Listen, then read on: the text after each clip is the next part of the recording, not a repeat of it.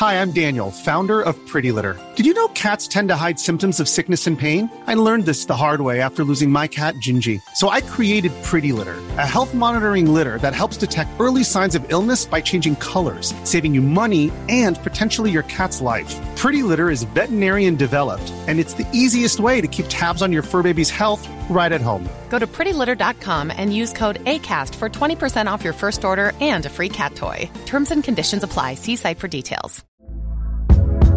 Hey there, it's Michelle Norris. I'm host of a podcast called Your Mama's Kitchen. When I travel, I'm usually looking for a way to find a taste of home when I'm not at home. And one of the things I love to do when I am at home is entertain. And Airbnb allows me to do that. When I was in California recently, I rented a house that had a great kitchen. And when we were sitting around the table, we we're all thinking, we're in someone else's house. Someone could be in all of our homes as well. If you have a home, but you're not always at home, you have an Airbnb. Your home might be worth more than you think. Find out how much at airbnb.com/slash host. Wow. Nice. Yeah. What you're hearing are the sounds of people everywhere putting on Bombas socks, underwear, and t-shirts made from absurdly soft materials that feel like plush clouds.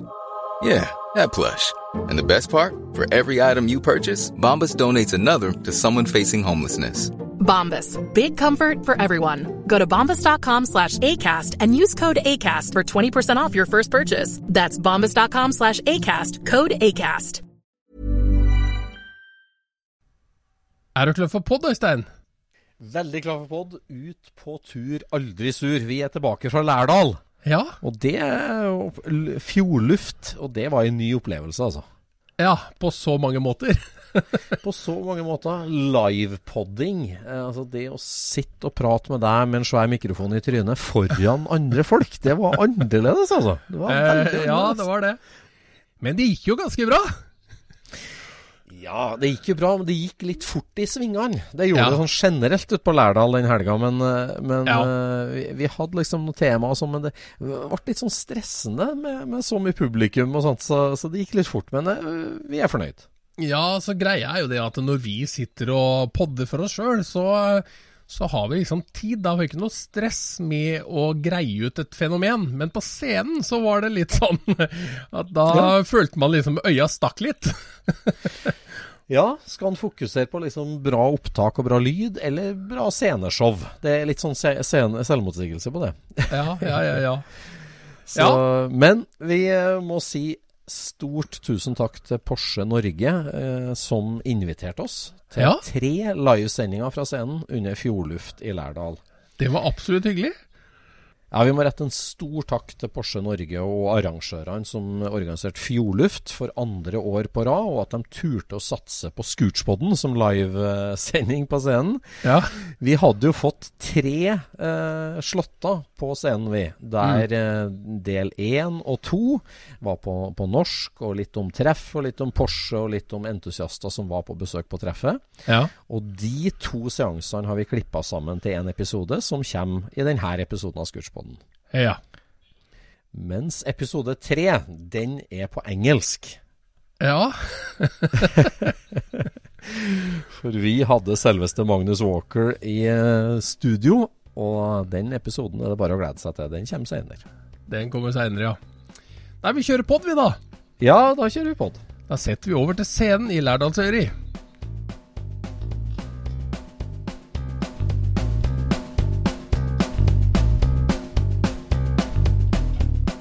Lytter nå til Scootspodden, en norsk podkast om klassisk bil med Jon Roar og Øystein.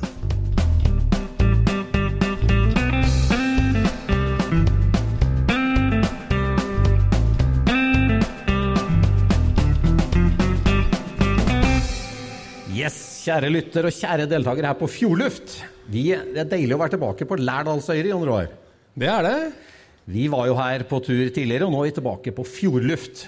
det norske luftkjørte Porsche-treffet, som arrangeres av Lærdalsøyri Motorhotell, Porsche Norge, Porsche Senter Son og Porsche Klubb Norge. Her er det godt å være, altså. Ja, det her er deilig. Altså, Mer pittoresk sted går det ikke an å finne omtrent. Det gjør ikke det. Og eh, det har alle som har kommet hit fått opp, eh, oppleve også over fjellet her med snødekte fjell og bar asfalt. En fantastisk ankomst hit til Fjordluft. Ja, absolutt. Vi skal jo snakke om Porsche i dag, og det er jo eh, noe som står vårt hjerte nært. Ja, Og I den forbindelse så tenkte jeg at vi er nødt til å tilbake helt til opprinnelsen. Til timeglasset, der timeglasset i Porsche-historien er på det aller smaleste. Akkurat the pinnacle av ja. der Porsche blir skapt. Og der historien bak fører frem til det som blir til Porsche-bilen. Ja, Tenker du Loner Porsche nå, eller er vi er Nei, da er vi for langt tilbake. Dette var jo, eh, Ferdinand var jo en eh, fremoverlent kar og patenterte jo ting allerede på slutten av 1800-tallet. Ja. Men det koker jo ned til det som skjer rett etter krigen. Eh, når eh, Ferdinand kommer hjem fra Frankrike, og Ferry Porsche, sønnen, sier nå må vi lage bil med vårt eget merke på. Ja. Derfor tok vi med oss ei motorblokk fra 1944. Og det Sånne Motorblokka hadde de jo mange liggende av i verkstedet sitt i Gmund, i den lille landsbyen oppe i fjella oppe i Østerrike. I De hadde- sagbruket. I sagbruket. De hadde leid seg et gammelt sagbruk. Der satt Commenda og ingeniørene i det ene bygget og The Panel Beaters i det andre bygget. Ja. Så sier Ferry det at fader fatter'n, nå må vi få lagd en bil med vårt eget navn på. ja. Og han har jo snakka mye om det her, Ferry, at uh, han kjørte masse overmotoriserte italienske biler, store, tunge biler. Så det å gjøre noe med veldig enkle midler, nok kraft, i en liten, lett bil, bygd kun for kjøreglede, Bang for the buck. bang for the buck, Ja. det er jo hele konseptet. Og det å da ta tak i en sånn motorblokk som da var allerede masseprodusert, Ja. velutvikla, og utvikle egne topper til den, egne innsug, egne gassere, starte med liksom DNA-et de hadde med seg fra konstruksjonen av tidligere ting. Ta noe som det finnes masse av, og, og videreutvikle det og foredle det til en sportsbil, rett og slett. Nettopp. Og da starter jo tankegangen med det å, å, å bygge rødramme, selvfølgelig, aluminiumskarosseri, midtmotor, ikke minst. Ja, ja. Og det er klart, det å plukke deler fra delehylla de hadde, bruke det de hadde, og, og lage en pakke, velbalansert pakke, midtmotorytelse, perfekt konsept. Ja, for eh, både Ferry og Ferdinand var jo veldig opptatt av å gå tilbake til de originale prinsippene. Altså bygge den optimale bilen, utnytte dette maksimalt. Så midtmotor var jo helt opplagt der. Helt opplagt. Ned med vekt, og, og få maks hester ut av det, selvfølgelig, det de hadde. Ja, Og det blir jo på mange måter retningen for Porsche. Det her med uh, være utfordreren. Uh, lett, nimble, Underdog. underdog. Ja, ja. Og, og det å utfordre virkelig store, som selvfølgelig topper seg i 51 på Le Mans når den uh, vinner. Og så anpasser du deg dagens, eller den tidens veier òg, ikke sant. At du har lav vekt, du er nimble, du kan kjøre smale linjer, og du kan utnytte den lille effekten du har i motoren, da, hvis du ikke drar på mye vekt, ikke sant.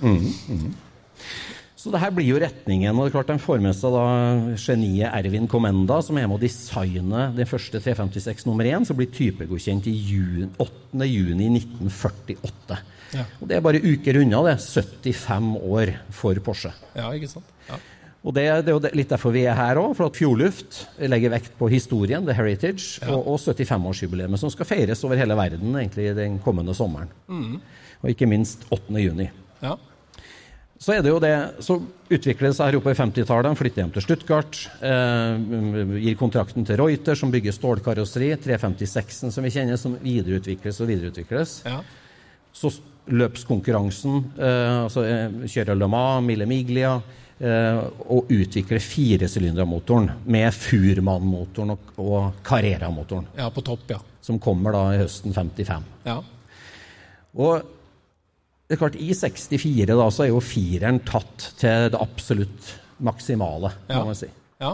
Med en superavansert, eh, altfor komplisert motor på mange måter. ja. Og, og tanken om det 901 og 911 dukker opp. Ja, det er, altså Den motoren du snakker om, det er Furman-motoren, det er jo et urverk. ikke sant? Den, det er jo kamdrevne Altså Kammene er jo drevne av vinkeldrev. Et antall av de, så en, en god mekaniker bruker jo uker på det. liksom Å sette opp tenninga. Så dette her var jo liksom De hadde dratt den til det maksimale på det tidspunktet der. Absolutt, og det er vel, gjelder sånn i dag, og det er vel fem stykker i verden som kan justere den. mot det. Ja. Omtrent. ja. Så da er behovet for sekser selvfølgelig eh, dukke opp. Altså få mer, Mer hester ut av ja. et enklere konstruksjon, ja. rett og slett. Og så ville de jo ha tørr sump, og de, altså de ville ha eh, canted valves og, ja, og kjededrift av kammene for, for å få ned liksom, produksjonstiden.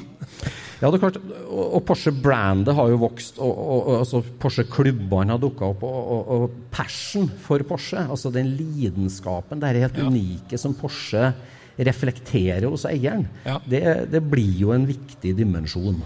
Altså På det tidspunktet som de fant ut at de måtte flytte motoren bak, da, så var det jo mest sannsynlig pga. strømlinjeform, som var liksom tidens eh, mote, ikke sant? Ja, og- og, få bedre plass i kupeen. For den første midtmotorbilen, det var jo bare to seter. Så, så når du liksom ender opp med å ha motoren bak, og så begynner du å foredle det Så på et eller annet tidspunkt så er det jo noen som kommer fra utsida og sier Vet du hva, bilene deres er helt annerledes å kjøre enn alle andres. Ja, for det krevde jo sin mann. Eh, altså I forhold til konkurrentene på 50-60-tallet. Ja. Så, så, så eh, mye vekt bak, og det krevde sin mann. Det var jo risky. Du var jo tøff hvis du kjørte Porsche. Ja, altså Tøffheten kom jo etter hvert når du begynte å få mye krefter bak der. Altså Med, med de, de første motorene så er det jo ikke spesielt skummelt å kjøre med bakmotor, men når kreftene begynner å komme, så krever det sin mann, og du får en sånn Det blir litt Nærmer seg russisk rulett, selv om det er et veldig stort, eh, er stor tønne på den revolveren. Ja, og så skjer det jo på et, et eller annet punkt det her med altså, lidenskapen for Porsche, og Porsche skjønner det sjøl, at altså, det særegenheten og, og, og Porsche-DNA-et Ja. eh, blir mer rendyrka. Det er vanskelig å se for seg disse dress- dresskledde karene som sitter nede i Stuttgart der, og så finner ut at vet du hva, nå må vi begynne å tenke på passion hos kunden. Vi skal ikke bare lage den beste sportsbilen vi kan, vi må nødt til å tenke på hva de har lyst på. Ja. Ja, det er klart På 70-tallet så er det jo der eh, altså, eh, fireren da, som dukker opp igjen i 914, i midtmontert konseptet, og V8-eren i 928 i slutten av på 70-tallet. Så der eksperimenterer man jo med konvensjonell layout, midtmotor-layout igjen. Ja. Men så er det jo på en måte denne særegenheten med bakmontert sekser som Ja. blir hovedretningen. Ja, det er jo liksom den, eh, den lille tingen som du ikke kan begrave, som bare tvinger seg fram, at uh, dette her er faktisk essensen. Ja, og selv om da både, kanskje midtmotorkonseptet er mer optimalt på noen punkt, så, så, så sier man at dette er Porsche-DNA. Det er den retningen vi skal. Det er her vi må reindyrke. Ja, ja. Men samtidig så hadde de jo en eh, sleng innom midtmotor igjen på, på 914. Ja. Så det var jo liksom ikke helt uh, glemt og begravd. Nei da, det var jo testa ut flere ganger. Det dukker jo selvfølgelig opp igjen på Boxster nå. Ja, ja. Men altså, lidenskapen for Porsche, hvordan er man glad i Porschen sin? Altså, tysk bil er jo Det er ganske klinisk. altså, det er jo bygd for å være så bra det kan. Så eh, jeg har ofte tenkt sånn at man er glad i en vellaga tysk bil på samme måte som man er glad i en god kniv eller et godt verktøy. Fy fader, dette her funker. Dette her er ikke noe surr. Jeg har ikke nødt til å For med unga dine så har du nødt til å elske de uten begrensninger, ikke sant? For at de kan gjøre, finne på ting i begge retninger, kan du si. Sånn at der, der er det litt mer Der er du nødt til å være inne og så liksom være litt overbærende. Det trenger du ikke med i Porsche. Det trenger ikke være overbærende i Porsche. Hvis den er i orden, så er den bra. Det er ikke noe å tenke på. Ja, så Du sier at lidenskapen eh, for barna dine og lidenskapen for en god kniv er to forskjellige lidenskaper. Ja, jeg, jeg mener det. Og Porsche-forelskelsen er fordi det er en perfeksjonistisk Ja, det er, fungerende det skal være maskin. det. Når vi begynner å ha litt slitte biler, da kommer lidenskapen inn på, på barnemåten igjen. At nå denne lekkasjen må vi ha overseende med.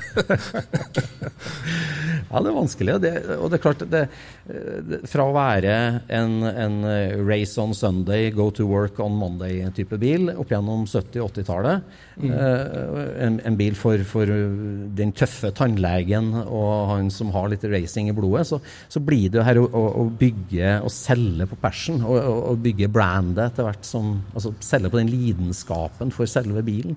Ja. Altså Jeg vil si at eh, Porsche-eieren har jo alltid vært en som har lyst til å ha en Asterix ved navnet sitt. ikke sant? Ja. Altså at eh, Det er han, han niende onkelen. Han har Porsche. ikke sant? Han, han har litt sans for, eh, for det spesielle i livet. ikke sant? Han kjører ikke Mercedes todørs. Nei.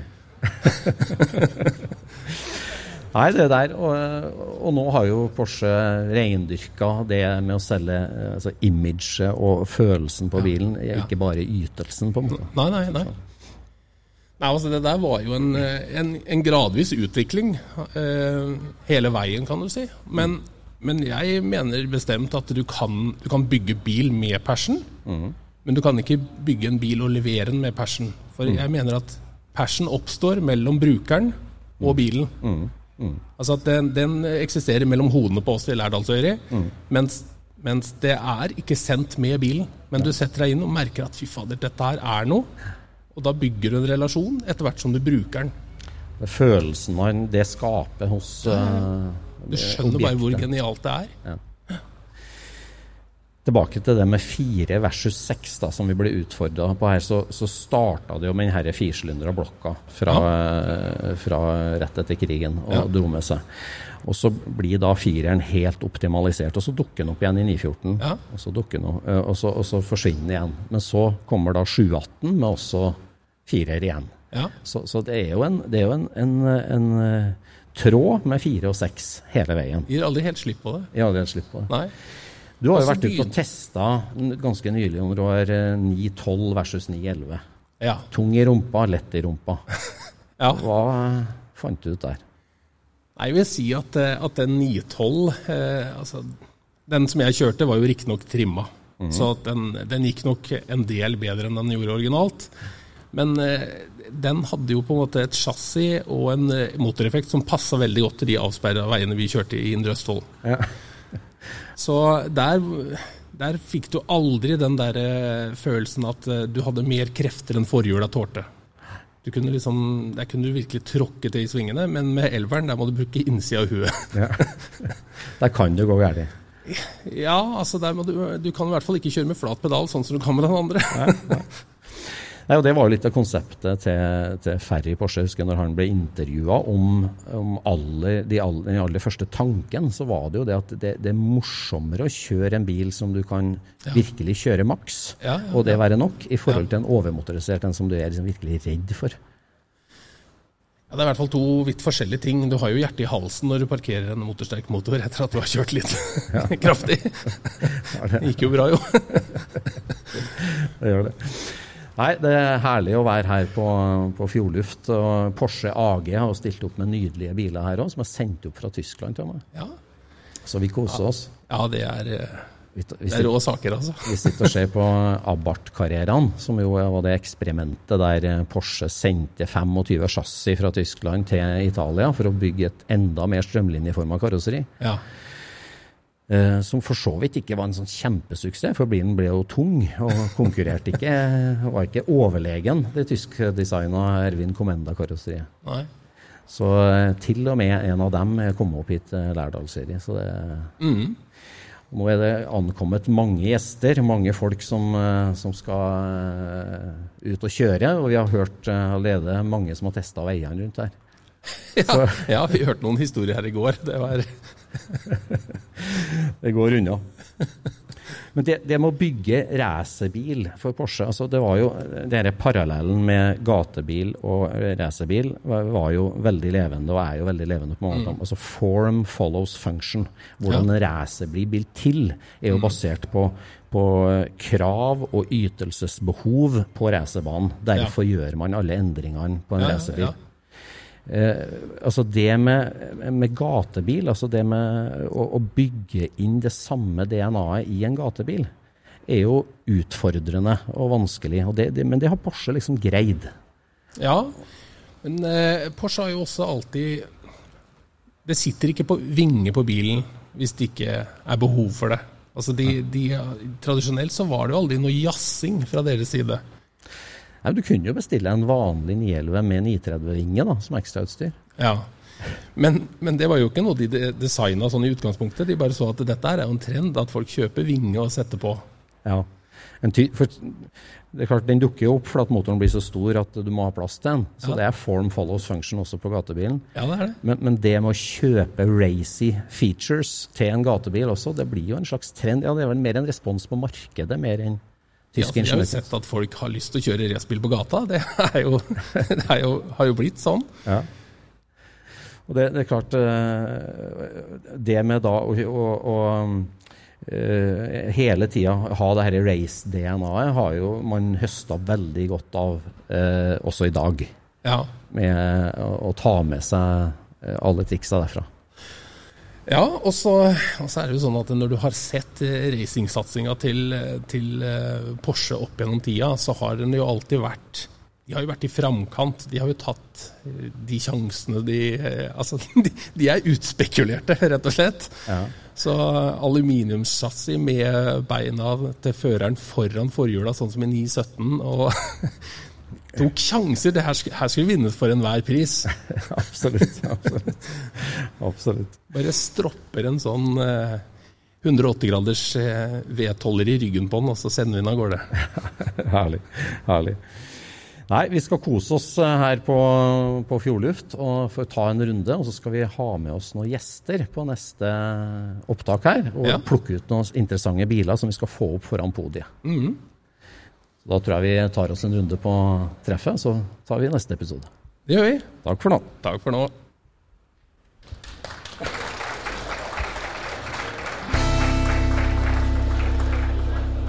Hi, I'm Magnus Walker. I got to tell you, I never listen to podcasts, any podcast, but especially Norwegian podcast. But when I'm invited on one, the only one I'm going to do is a Scooch podcast. So, Magnus Walker, pedal to the metal, get out and drive. Skål!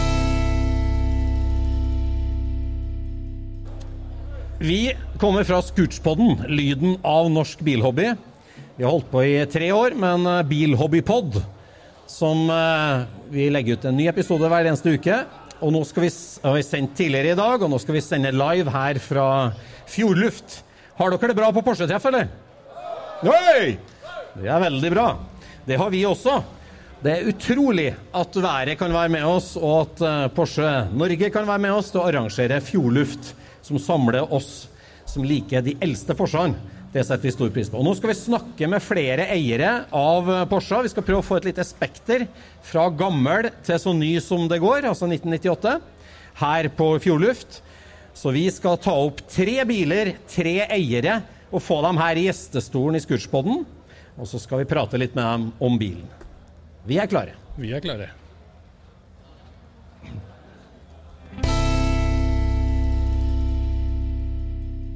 Ja, det er herlig.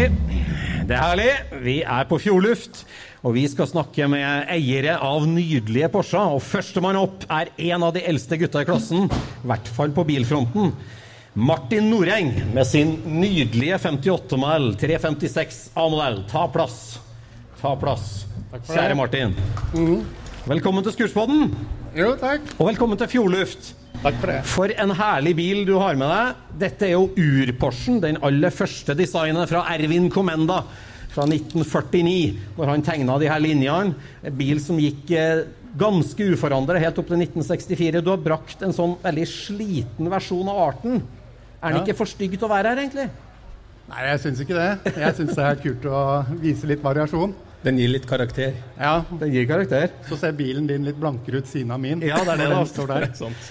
Det ser jo ut som du bruker den, og du tør å bruke den. Ja. Hvorfor 356, Martin?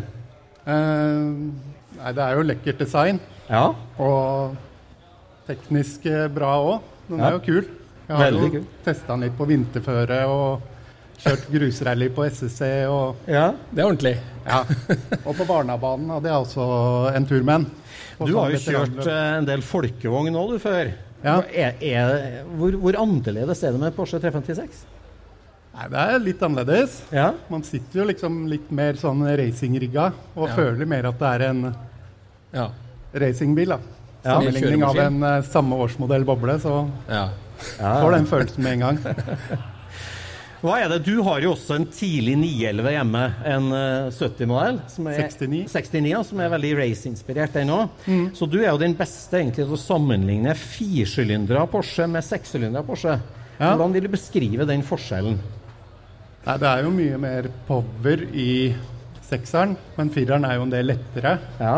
Men ja, det er jo to veldig forskjellige biler òg, Ja. på alle måter. Når bruker du hva? Når velger du sekser, når velger du firer? Kanskje hvis jeg skal kjøre ha, ha litt dårligere tid, så Ja. tar jeg 911. Hvis jeg kjører litt svingete veier og koser meg med det. Ja. Og den 356-en er litt mer cruisingbil. Ja, jeg skjønner. Kjører ikke like hardt med den. Du Martin er jo en som liker å uttrykke deg litt gjennom bilen, og at bilen ikke bare er en 356, men det er den 356-en. Ja. Sånn har du personifisert flere av bilene dine. Hva, hva, hva betyr det, liksom, å legge en slags sjel i bilen? Hvordan tenker du rundt det? Nei, det, det blir jo litt forskjellig preg på dem, Ja. ut ifra kanskje hvordan jeg opplever bilen selv. Så den der, vet ikke, får, kan få litt sånn uh, rallyfølelse. Derfor har jeg malt på et nummer. Ja, Ja. 911 er kanskje mer en asfaltbil, så da blir den litt mer racing. jeg skjønner. Ja. Men det at, den, det at den skal fremstå så slitt og, og u, u, ustelt, på en måte, det er jo en del av imaget. Ja, Ja. det er på en måte sånn jeg kjøpte den nå. Så Ja. den er nok eh, vært under restaurering og grunna, og sikkert planen har vært lakkering, men den kom aldri dit. da. Nei. Så da har den fått lov å forbli i den standen den var da. Hvilken bil syns du beskriver deg best, da? Nei, det er ikke godt å si. Nei? Det er liksom Alle bilene er eh, Men du velger bil etter dagsform, da, på en måte? Ja, det kan fort bli litt sånn. Ja. Og så er det jo litt sånn eh, Jeg har jo et par bobler òg. ja. Men så er det litt sånn, hva skal jeg med det når jeg har 356 og 911? Men jeg klarer ikke å kvitte meg med dem, for det er noe eget, det òg. Ja, ja, ja. Så- Her har vi med en bilentusiast å gjøre, skjønner du. Ja. Bilentusiast. Ja, kan ikke plukke ut én Nei, og sende av gårde. Du er jo god på sosiale medier, medier Martin, og, og legger ut mye om bilene. Vi husker jo en veldig artig badeseanse med rosa flamingo på taket, og du dro av gårde med 911. Ja. Eh, hva, hva gir mest respons der? Hva slags eh, Hva resonnerer mest? Eh, Det mest vellykka har vel vært den 356-en, da. Ja. Jeg kjørte den inn i en sånn gammel garasje jeg bare så langs veien, og Ja. ut av den. ja. Så det ser liksom ut som det er et låvefunn som kommer kjørende ut. Ja, Så det, det liker folk. Det liker folk. Ja. Hva tror du det kommer av, da? Det er, kanskje det er drømmen av å finne en gammel uh, kul Ja, bil i en låve. og så kan du si at det, du begynner jo å tenke hva har denne bilen vært med på? Mhm. Hva skal den bli? Skal den være sånn? Ble den funnet der? Er det rigga bilde? Det er, det er mange tanker som kommer med en gang du ser noe sånt for en Ja. bilentusiast. Det er jo det. Er det noe neste steg med den bilen, da? Er den ferdig og fullbåren som den er, eller? Nei, nå har jeg lyst til å gå over litt motor og gir. Ja. Girkassa er litt sånn eh, røre i grøten. Ja, ja. Så jeg har fått tak i en eh, 911-kasse som er ombygd til boble, egentlig. Oi. Som eh, 911-kasse som skal inn i den der? Ja. Ja vel. Men, men firer blir det fortsatt? Ja. Ja, jeg skjønner. Så jeg vet ikke om det blir en 356-motor med noe big bore kit, eller prøve å få litt mer ut av det. Ja. Så utseendemessig så er den akkurat der den skal være, men eh, du vil ta den litt mer teknisk? Ja. Jeg skjønner. skjønner. Få litt mer uh, kjørevennlig. ja. Mm. Jeg vet at du kjører jo en Taycan uh, til daglig. Ja. Og den der røde tråden da fra det her helt tidlige verket gjennom Nielven og til Taycan, er, er det noe fellestrekk? Er det noe samme følelse hos deg? ja, jeg kan få litt samme følelsen når jeg setter meg i bilen og ser Porsche-krester på rattet. Og, Ja. ja. Men det er jo to helt forskjellige verdener. Helt forskjellige verdener. Det går jo ikke til sammenligning, egentlig. Nei. Nei. Men, eh, Men det er en slags identitet der som, som henger med, føler du? ja. Ja, jeg skjønner. Kan du bygge personen mot Taycanen, på en måte? Altså, så merker du det at du sitter i et ordent, en ordentlig maskin, på en måte? ja, man gjør det. Ja, det gjør Selv om det er elektrisk. Og Ja, ja, ja. så er det liksom bra kjøreegenskaper, og den ligger godt på veien, og den går fælt. ja det er jo designa til endte grad, endte grad, liksom. Det er jo Ja. Så Det er veldig bra. Hva står i verkstedet ditt nå? Hva er, du, eller hva er du på jakt etter nå? Hvor, hvor, du, hvor går bilsamlinga nå? jeg vet ikke. Kona mener jeg har nok biler. Jeg skjønner. Så, Så du er over i vedlikeholdsmodus? Ja, det er vel det å prøve å ta vare på det jeg har, og få det i stand.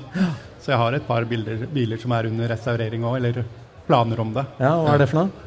Eh, jeg har en 55-modell Oal. Ja, boble. Boble, ja. Mhm. Som eh, litt ny motor og girkasse i den. Og så en eh, 86-modell Audi Coupé Quatro, Ja. som var første bilen min. Det er en rød tråd i alt det her. Ja, så det var liksom ja, første bilen som jeg aldri har kvitta meg med. Flytta litt rundt fra låve til låve. Herlig. herlig. Sånn. Det var veldig hyggelig, Martin. Det, tida går fort, og vi skal ha inn eh, to biler til. Ja. Veldig artig at du kommer for å vise et ytterpunkt i, i luftkjørthobbyen. Ja. Tusen takk. Jo, takk for at jeg Kjør forsiktig. Ja, skal jeg prøve det. Takk. Skal vi høre fireren fyre opp, og så skal vi rygge ut, og så skal vi få inn eh, en representant fra 70-80-tallet. For det er jo det som er at spekteret på luftkjørt, altså fra 48 til 98, det er 50 år, det, Ja. med, med luftavkjørt bil. Og det som er så komisk, er at når du ser på disse bilene, så ser du for deg den tida de er født i også. Herlig lyd i fireren. Da sier vi ha det til Martin her. Det gjelder å tråle seg ut mellom eh, Porsche-museet sin Abarth Carrera og RSR. Ja. Det er litt vondt å bulke på hver sin side der. Det er trist. Det er litt trist. How would you like to look five years younger? In a clinical study, people that had volume added with Juvederm Voluma XC in the cheeks perceived themselves as looking five years younger at six months after treatment. Look younger, feel like you. Add volume for lift and contour in the cheeks with Juvederm Voluma XC. Reverse signs of aging by adding volume to smooth laugh lines with Juvederm Volure XC. For important safety information and to find a licensed specialist, visit juvederm.com. That's J U V E D E R M.com. Not for people with severe allergic reactions, allergies to lidocaine, or the proteins used in Juvederm. Common side effects include injection site redness, swelling, pain, tenderness, firmness, lumps, bumps, bruising, discoloration, or itching. There's a risk of unintentional injection into a blood vessel, which can cause vision abnormalities, blindness, stroke, temporary scabs, or scarring. Talk to a licensed specialist to find out if it's right for you. Hey there, it's Michelle Norris. I'm host of a podcast called Your Mama's Kitchen. When I travel, I'm usually looking for a way to find a taste of home when I'm not at home. And one of the things I love to do when I am at home is entertain. And Airbnb allows me to do that. When I was in California recently, I rented a house that had a great kitchen. And when we were sitting around the table, we we're all thinking, we're in someone else's house. Someone could be in all of our homes as well. If you have a home, but you're not always at home, you have an Airbnb. Your home might be worth more than you think. Find out how much at airbnb.com/slash host. Det er det som er så fantastisk her på Fjordluft, at vi har som sagt 50 års med bilhistorie å ta av. Og det at man kan uttrykke seg så innmari eh, gjennom bil. Ja. Og, og hva, hva sier det om eieren, altså? Eh, uttrykket Ja, altså Bilene blir jo på altså Du kan på en måte, eh, som i film, da, typecaste. Hvem er eieren ut ifra bilen når du ser på den? Ja. Du får noen, får noen hint, og det blir man jo etter hvert veldig slepen på. Når man ser en bil bare Å ja, han har sånne hjul, ja. Ja, ja, ja. Ja, og litt, litt, litt røff i kantene, sånn som Martin her, da, med designertype røff bil. Ja, ja. Da skal vi ta eh, vel imot her Jørn Jacobsen i sin 1970-modell. DP-rigga, herlige flantnose, slantnose. Det her er 80-tallets eh, et av 80-tallets kuleste glassfiberkit. Som eh, ble importert til Norge og tredd over på en eh, tidlig long wheelbase-bil. Velkommen hit, Jørn. Kom opp og ta plass i gjestestolen. Ta på deg hodetelefonen. Herlig. Hallo, hallo. Fram til mikken. Takk, takk. Der, ja. For en fantastisk bil. Jo, tusen takk for det. Og velkommen til oss. Velkommen. Ja, dette var artig. Jeg så ut på drive-outen her, så hadde du med deg kopilot. Ja, eh, det vil si at han tok jo over eh, rattet, han da. Ja, han gjorde det. Ja da. Men du ga han frie tøyler òg, skjønte jeg? Jeg sa du får kjøre som du har stjålet den. Ja. Og det, det gjorde han etter hvert. Ja. Eh, tok jo 20 minutter, for han ville jo ha opp arbeidstemperatur på olje og sånn, så han er jo en seriøs fyr. Seriøs fyr. Så, så det var gøy. Og så hadde han noen fine forbikjøringer, for han så jo den derre Cayenna som hadde filma han i går. Ja. Og den tenkte han kanskje var kjekt å ligge etter. ja, akkurat. Og det var det jo. Ja, for da ble det jo litt, litt. artig kjøring, da. Ja, jeg skjønner. Vi snakker om Magnus Walker, som, Ja. eh, som ja, Bilen hadde jo en slags magnetisk kraft på han, mens da dro, dro han til seg. Ja, eh, det starta med at han eh, kom bort og viste meg at han hadde tatt bilde av eh, fuglebæsj på bakskjermen. Ja, Selvfølgelig. For det kan du eh, ta noen på et eller annet, så gjør jo det. Det er en fin pickup line. Ja, det er fint. Og da blei vi jo kompiser etter det, da. Ja, ja. Men eh, ja Si litt kort om bilen, da. For det, dette starta jo som en smal, tidlig 911. Ja. Og så var det da en eh, fremoverlent flymekaniker som ville personifisere i 1984. det stemmer. Han, eh, han eh, jobba da som flymekaniker hos SAS. Og var veldig lidenskapelig interessert i Porsche. Det var Porsche Racing som gjaldt for alle penga. Eh, var ungkar og spellemann da, er det fortsatt. Ja. Godt voksen kar. Eh, og var da for hver ledige time rett ned til Göteborg og til Bo Strandell. ja. Og han er jo en legende. Ja. Eh, drifta 944 Turbo Cup-bilene den gangen. Mhm. Og, og da kom han over eh, selvfølgelig masse kunnskap og hvordan dette her skal bygges, og det er ikke måte på. Så han har uh, brukt mange år, han, ca. fire år, på å få tak i de riktige bitene. ja. Uh, så bilen sto ferdig i 1988. ja. Og Fire års byggetid. ja, og- han var, han var kjent for å være litt pirkete. Ja, og det ser du hvis du ser på den i dag. Altså, her er det mange skjøter mellom glassfiber og stål, Ja. men det er ikke en sprekk å se, altså. Nei, det er helt utrolig. Den er jo sånn den var ferdigbygd i 88. Eh, en detailer har uh, hjulpet meg med lakken. Og så har jeg fått bestilt opp de DP-stripene fra DP Motorsport. Ja, Så dem satte du på? Så de jeg har satt på, for bilen var rød før. Bilen var rød før. Så, men han som har bygd bilen, han har gitt sin velsignelse på at det var fint. Ja, han har det. Så jeg har god Å ja, du må få godkjenning? Ja, derfor. da, man må spørre eh, kunstneren bak bilen hva man skal gjøre. Jeg. Ja, ja, ja. Ja, Det syns jeg er fin respekt, da.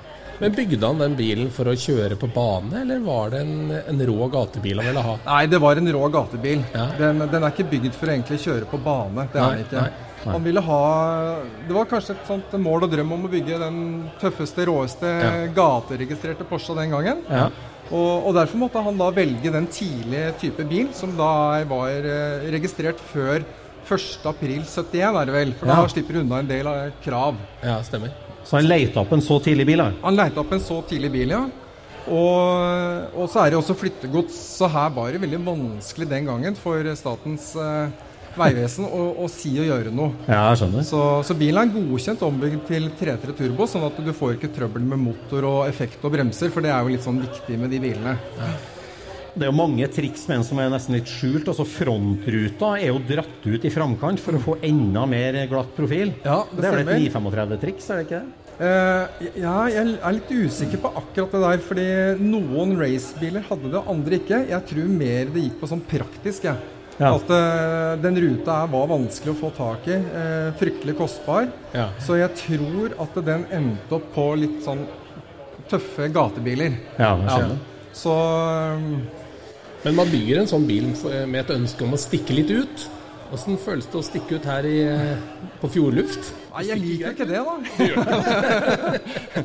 Men eh, jeg syns jo sånne spesielle biler fortjener å komme fram, da, sånn at folk kan se det. Eh, Like det eller ikke like det. Ja. Så er det artig at man kan kunne se på de ulike bilene som finnes, da.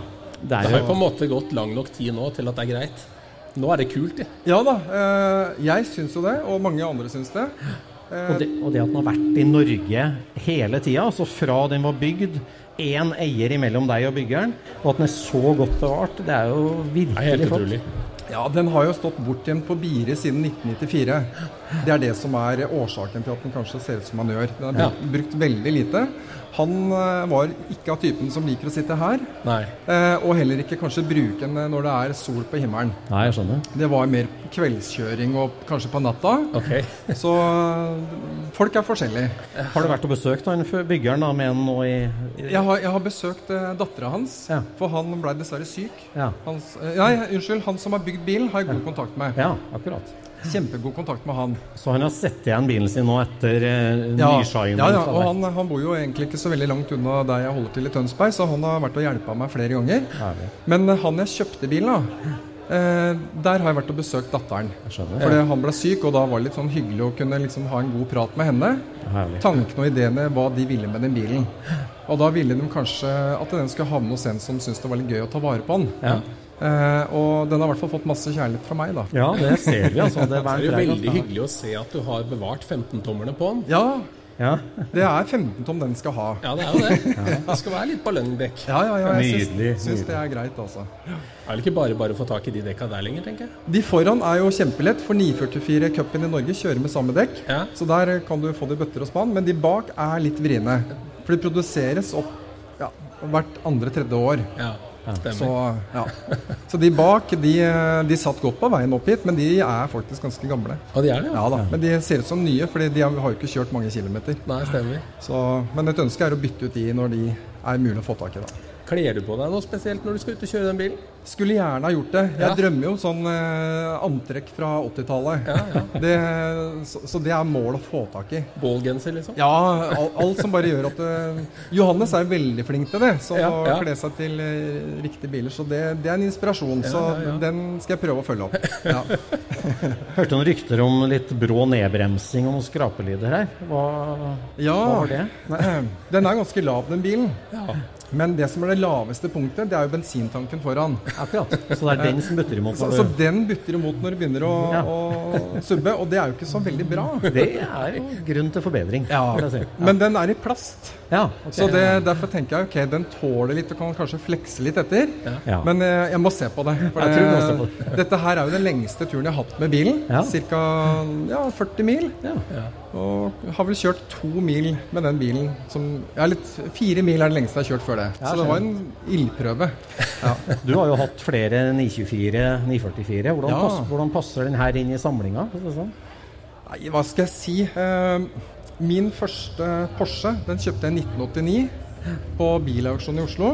Og det var en helt plain 924 med plastkit. Ja, ok. 924 Carrera GTS-stil. Ok. Så jeg tror det satt standard. Ja, at, uh, at jeg liker veldig sånne custom ombygde biler. Ja. Men jeg er også veldig glad i helt originale biler der minste skrue og mutter er originalt. Så begge deler. Begge deler. Har du et kit som er drømmekittet, da? Liksom? Har du et kit du ikke har vært borti? uh, ja, den heter 959.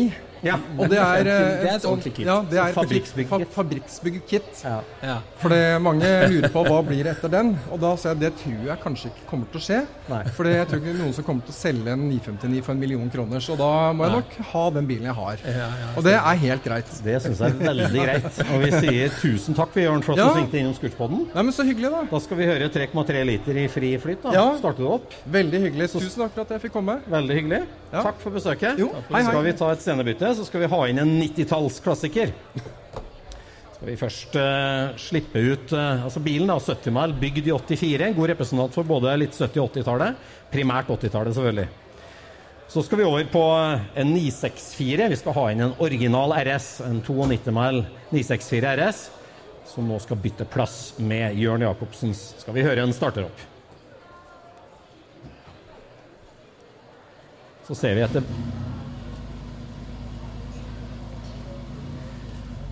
må du sjekke Jon Roar, om det er noe bensinlekkasjedam foran deg. Se om det er eh, helt Det ble et fint bilde av de to der sammen. Ja, det var et fint par sammen, det. RSR og DP. Det er to forskjellige joggesko. DP ble jo mest kjent i, i Norden, egentlig via Sirkelbach i Sverige. Josef Sir- Sirkelbach, ja, som bygde biler ned i Syd-Sverige. Ja. Men han kjøpte vel egentlig kitta fra Tyskland, gjorde han ikke det? Har han da? Ja, Det var, jo, det var jo på en måte to sider av samme sak, for at han var der nede og ble godkjent som, eh, som bygger av de. Ja. Og han eksporterte jo over hele verden, faktisk. Ja. ja. Masseproduksjon i en lita gammel eh, låve. Ja. Ja, det fins sånn som Jørn, da, at han da fikk eh, At bilen var bygd i Norge med et kit fra Tyskland. For det, det, det er jo utrolig norgeshistorie, egentlig. Ja, det er jo det. det er det. Da tar vi godt imot Øystein Skåden fra Haugesund. Med sin 1992-modell 964 RS. Det her er jo det ypperste av det gamle karosseriet. Ja. Toppen på rangstigen av det virkelig klassiske, originale 911-karosseriet. Velkommen til oss. Sett deg ned her og ta på høretelefonen og bli med. Du skal være ubehagelig nært mikrofon. Ok. Det er sånn vi må ta opp. Kjære Øystein, fint navn. Ja, takk for det. Ja, og Velkommen til Scootspodden. Takk for det, du. Har du kjørt på hjula helt fra Haugesund? Nei, jeg har ikke det, dessverre. Det gjorde vi i fjor. Det gjorde du i fjor, ja. Men i år så var det så mye veiarbeid og så mye saktekjøring, så det gikk i 30 km i timen mye av eh, ut Hardanger der. Ja, Så det var vi litt skuffa over, da. ja sånn. ja. Så når vi kom eh, forbi brua, Hardangerbrua der, så var det kosta den litt på. Ja. Tok igjen det tapte. Ja, ja, ja. Fortell oss litt om bilen. Det her er jo virkelig en 90-talls farge og en 90-talls verstingbil. En av få eh, gjenlevende, egentlig, og få i Norge. Den En original RS-en. ja stemmer. Det er 964 RS, du sier. Nærmere, ja. Ja. Fra 1992. Ja. Og de kom jo kun i 1992, da. Men ble lagd i 91, 92 og 93, og jeg tror òg litt i 94. Ja. Denne her er Ruby Stone Red-farge. Eh, enten eh, elsker du det, eller så liker du ikke. Jeg syns jo fargen er helt fantastisk. Helt Ja. fantastisk. Og jeg har vært på jakt etter en RS, eh, og det var jo tilfeldig at det var den fargen. Men når først det var det, så var det jo bare å hoppe på. Jeg syns det var helt supert. det skriker jo 90-tall og er helt herlig. For RS, eh, ta oss kort igjennom det. Hva gjør det til en RS eh, sammenlignet med en vanlig 964? Ja, altså RS står jo for rennsport, eller racingsport, da, som vi vet. Ja. Eh, og C2-en er 120 kg eh, tyngre enn eh, denne RS-en her. Ja. Så er det aluminium panser, og så er det lettere ruter. De er 3 mm istedenfor 4,5 som C2 har. Akkurat. Eh, og så er det en del eh, elementer inni bilen. Eh, det er single mass eh, flywheel. Ja. Ja. Eh, og bilen er sømsveist i chassis istedenfor punktsveist. Ja. Ja, ja, Så den er veldig stiv, da. Ja. Så eh, ja, du sitter veldig lavt i den. Den er senka, eh, og det er bilsteindempere. Eh. Så det er nett som en gokart, egentlig. Så hvis du liker 964 C2 eller C4, Ja. så er denne stivere og mer sporty, litt raskere, og, og nett som en gokart. Så det er fantastisk. Det er liksom C2 ganger fem, på en måte. Og du har prøvd begge deler, så du vet. Vil jeg si. Jeg har hatt C4 òg. Ja, det er en eh, veldig kjekk bil. Ja. Vi- snakka litt innledningsvis. Du, har hatt, øh, du har hatt flere Porscher og vært innom forskjellige ting.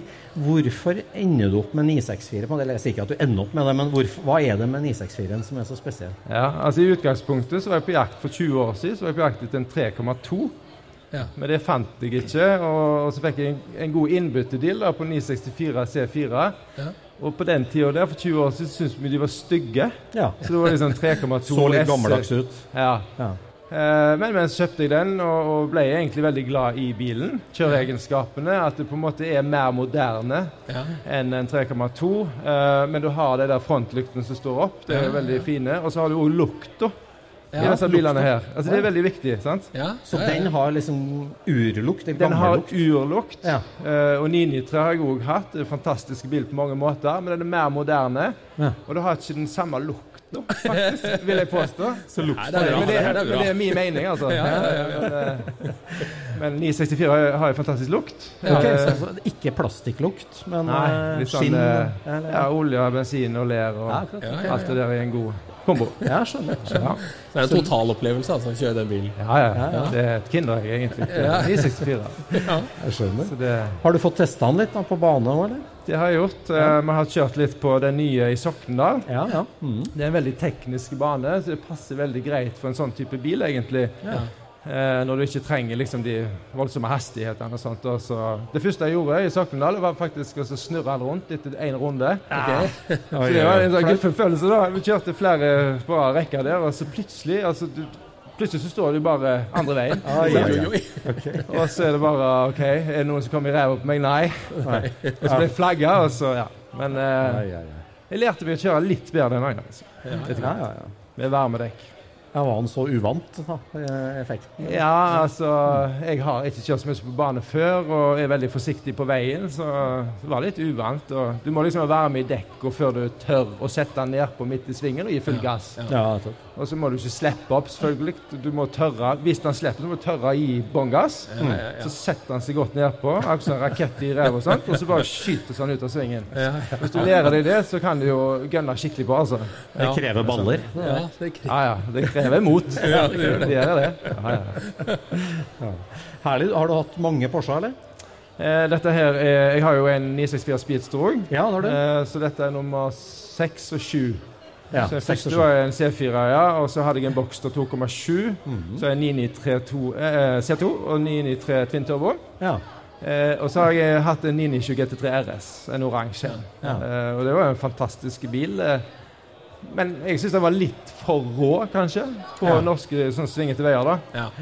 Så, eh, men Akkurat, så eh, du starta liksom ja, så for lenge siden, 20 år, og har vært helt opp på det nyeste, og så er du tilbake da til 964. Ja, stemmer. Ja. Er dette en keeper da, som du skal beholde, eller?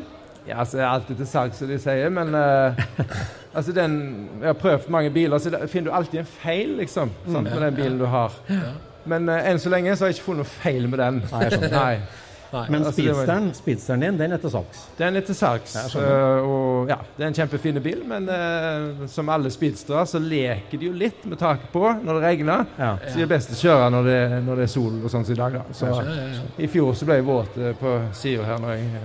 Ja. Så, sånn er det bare. Men hvis vi ser bort fra feil, som du sier, har, kan du merke forskjell på individene av bilene? Altså at, at, at to av samme modell ikke er like? Ja, det vil jeg påstå. Ja, det. Absolutt. Og det er liksom alle kategorier, egentlig. Ja.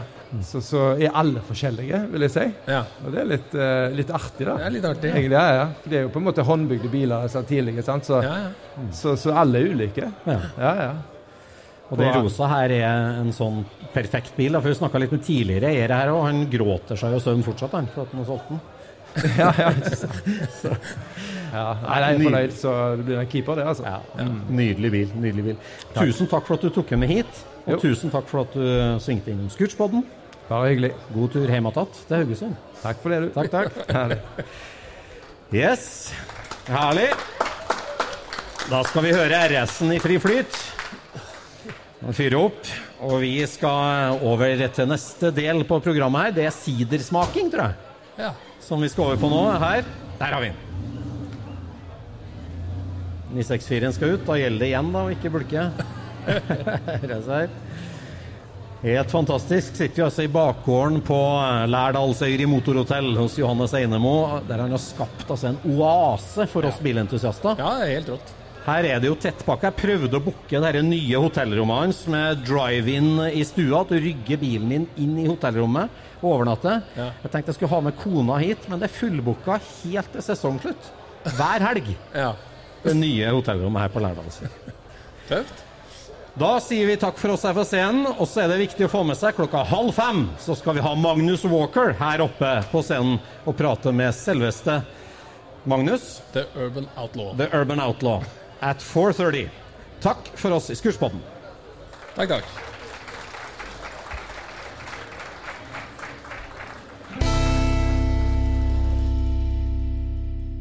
Yes, det var det. To ganger en halvtime fra scenen på Lærdalsøyri og Fjordluft. Ja. Det var litt av en opplevelse og en helt ny ting for oss. Jeg er ganske sikker på at vi er enda litt bedre neste gang. Eh, Fordi at uh... Ja, altså Vi var litt rann, Eller jeg var litt kjapp med å skru av mikrofonene også. For vi fikk jo litt tilbakemeldinger, så det hadde vært ganske gøy å hatt med. Ja da. Det hadde vært artig å tatt opp litt uh, mer lyd her og der, men uh, det var en grei, uh, greit bestått første livesending fra Scootspoden. Og episode tre med Magnus Walker den kommer også litt senere utpå våren her. Ja, og så må vi jo si det at vi ønsker jo alle sånne oppdrag velkomne. For vi har ikke lyst til å bli noen uh, rein Porsche-pod eller noen rein folkevognpod eller noe som helst. Vi er jo helt, helt vidt åpne på dette her, sånn. Så noen annen som syns dette her høres gøy ut, er vi åpne for eh, tilbud. Det er sant. Og vi fikk jo et veldig spennende tilbud mens vi var der, fra Porsche Center Son, som tilbød seg å låne oss en nydelig svart Porsche 964. Som han sa, han klopper oss. Manuell, uten soltak, eh, med bakerstrekk og Carrera, altså en C2 svart. Ja, ja. Herlig 964. For det var drive out, og der eh, var det greit å få kjørt litt nyere bil, så vi slapp å risikere å bli stående igjen før eh, siste opptaket vårt. Og for en bil det var! For en bil, altså. For et, uh, ja, for et verktøy, den bilen. Ja, det der var en uh, skummel smakebit. ja, det var det, altså. Ja. ja, det var jo som hun sa, det her er som en narkolanger i skolegården. Du får første skuddet gratis, og det, det gjorde vi. Så det ga mersmak. Ja. Eh, veldig artig. Og en stor takk til hele organisasjonen bak Fjordluft, som altså handler om Porsche fra før 1998. Eh, Porsche Norge, Porsche Classic Center Zone, Porsche Klubb Norge og Lærdalsøyri Motorhotell. Ja, og 356-gutta. Ja, 356-gutta. Absolutt for deilig og hyggelig turfølge Mm. over eh, Hemsedalsfjella. Veldig, veldig hyggelig. Vi gleder oss til neste år, vi. Det gjør vi. Og det var første stemningsrapporten fra Lærdal, det. Takk for oss. Takk for oss. Vi høres. Scootchpoden produseres av SSC Media, med god hjelp av VV Norge og Trond Dahl for hosting, Knut Micaelsen for musikk. Abonner på Scootchpod via podcaster eller Acast, og følg Scootchpod på Instagram og se det vi snakker om. Der kan du også komme med kommentarer og innspill, og fortelle oss hva du vil høre om.